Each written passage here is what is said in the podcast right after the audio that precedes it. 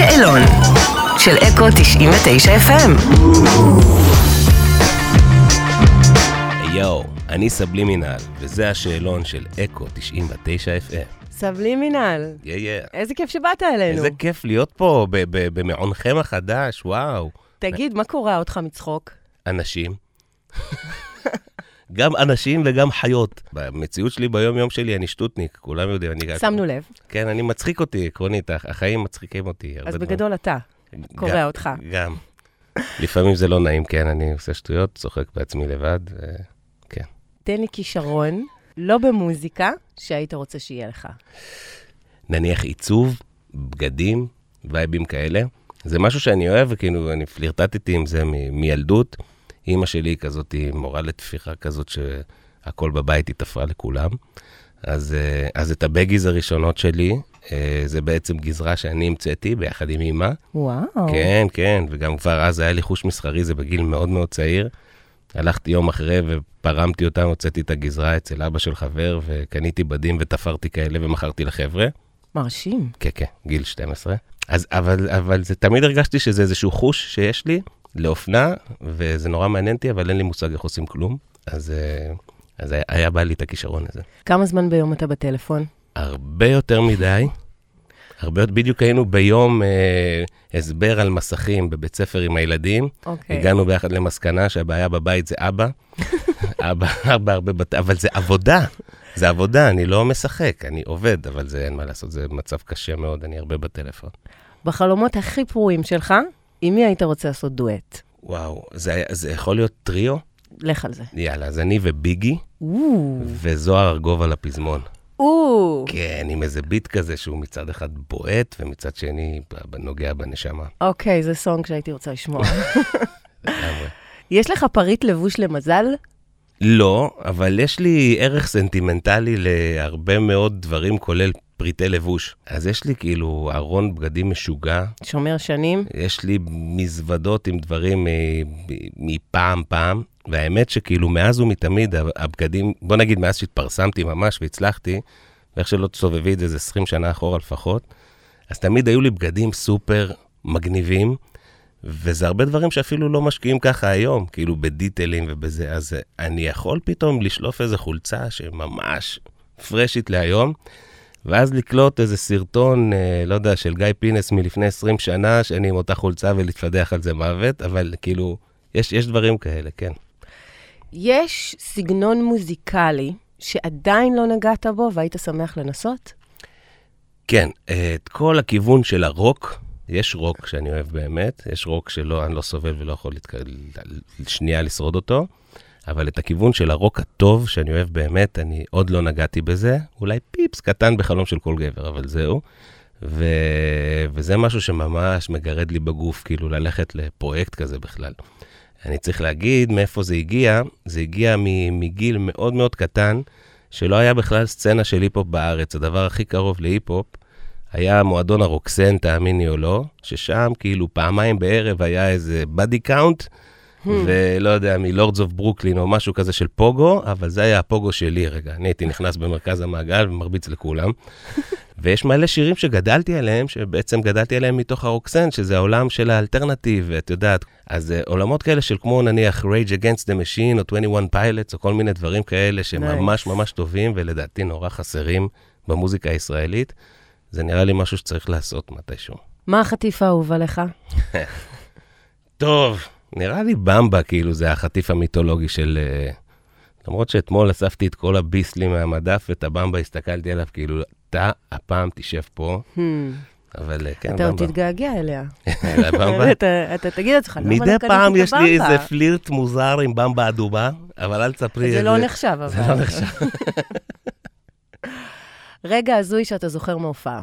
אני חושב אחד הרגעים הכי הזויים ומצחיקים uh, בהופעה היה די מזמן, כשמעריצה רצה בטירוף uh, לכיוון הוון, וכנראה איבדה את הבלמים או משהו, היא פשוט רצה, ובום!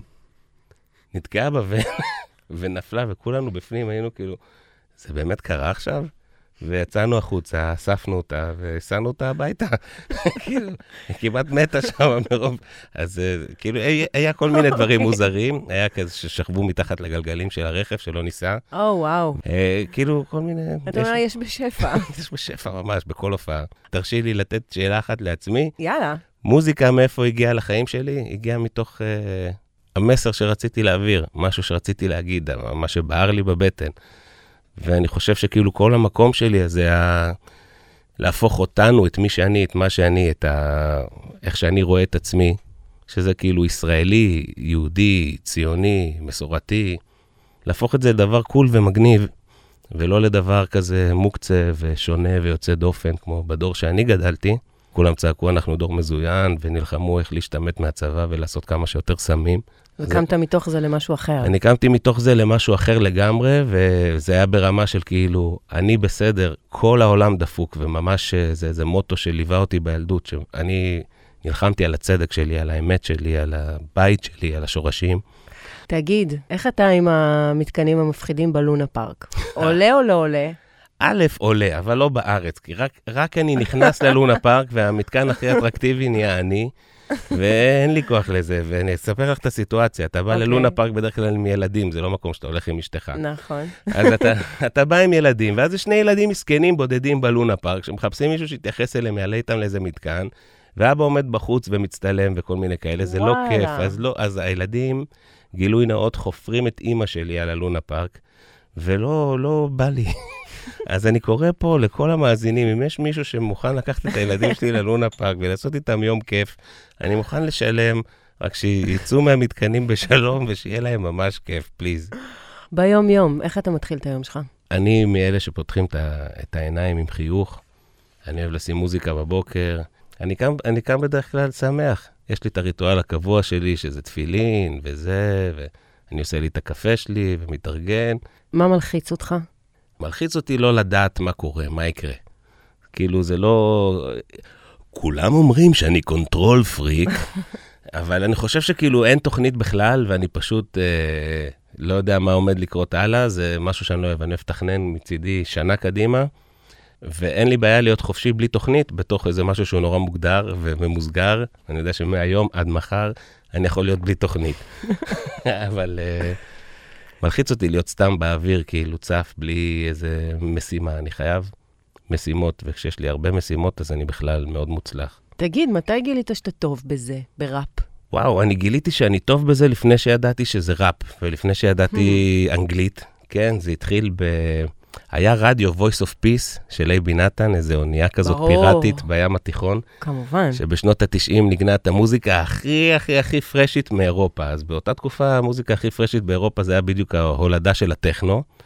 והיה כל מיני CNC Music Factory וסנאפ ו-KLF, כל מיני להקות כאלה בריטיות, שתמיד באמצע היה איזה פארט של ראפ מעפן כזה, אבל את הקטע הספציפי הזה הכי אהבתי בתור ילד. והייתי תוך פעמיים, שלוש, אני שומע את אותו שיר, יודע אותו בעל פה. עכשיו, זה שיר ששמעתי אותו עוד לפני שהגיע לארץ. ואז פתאום כשזה הגיע לארץ, הייתי פתאום עושה את זה עם הקטע של הראפ, וכל הגדולים, המבוגרים, היו כל כך מתלהבים ומתרגשים, ואיך אתה מכיר ואתה יודע אנגלית? לא, לא ידעתי אנגלית ולא כלום, אבל זה פשוט הכישרון שלי, מדהים. לשמוע שיר ביפנית פעמיים ולדעת אותו בעל פה. אדיר. אז uh, הבנתי, בואנה, יש לי איזה משהו ביד, אני גם ממש נהנה מזה, ואני, ואני ממש טוב בזה, וכולם נורא מתלהבים. ומתי פעם ראשונה עשית את זה על הבמה? אוקיי, אז בוא נגיד, uh, בבר מצווה של אחי, אני הייתי בן שבע, עליתי לשיר. זה לא, וואלה. בדיוק, זה לא בדיוק היה ראפ, אבל היה איזה אירוע שנראה כמו התקף אפילפסיה שחוויתי על, ה, על הרצפה מתחת לבמה, וכולם עמדו מסביב ומחאו כפיים. זה היה כאילו ניסיון לעשות break dance בגיל שבע. אוקיי. אז מסתבר שכבר מאז נורא רציתי. בכל התמונות שלי בילדות, אני עם כובע וזה, ויש לי דאווין של ראפר הזוי, לא יודע איך, לא היה פה אפילו MTV, לא היה פה, אין לי מושג מה השפיע עליי, כאילו עוד לא יצא MC Hammer אפילו, אין, אין לי מושג איך זה קרה.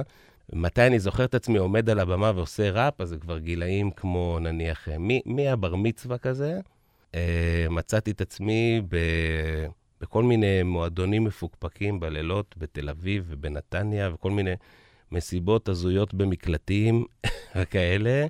עושה? פריסטיילים, כן. nice. הכל התחיל מפרי סטייל. רגע שהרגשת שהשפעת על מישהו או מישהי בעזרת המוזיקה שלך. אני חושב שאחד מרגעי השיא האלה, זה שהוצאתי את השיר אה, חי מיום ליום. חי מיום ליום בעצם היה השיר הראשון שלי שפרץ החוצה. אני כבר עשיתי מוזיקה והיה לי שני אלבומים אה, מחתרתיים שהצליחו ברמה שלנו, המחתרת שלנו בתל אביב. אבל חי מיום ליום פרץ את התודעה והגיע לרדיו ונכנס והיה על זה כתבות מטורפות בעיתונים, ומאותה שנייה זה כאילו שכל האנשים בחיים שלי התחלקו לשניים. זה או מעריצים פנאטים ברמה של חיילים שלי, איתי במשימה עכשיו, או כאלה שאני נעמדתי להם כמו פתאום איזה משהו מפחיד מול העיניים, ולא יודעים מה לעשות עם זה. זה כאילו העולם מתחלק לרעים וטובים. Hmm.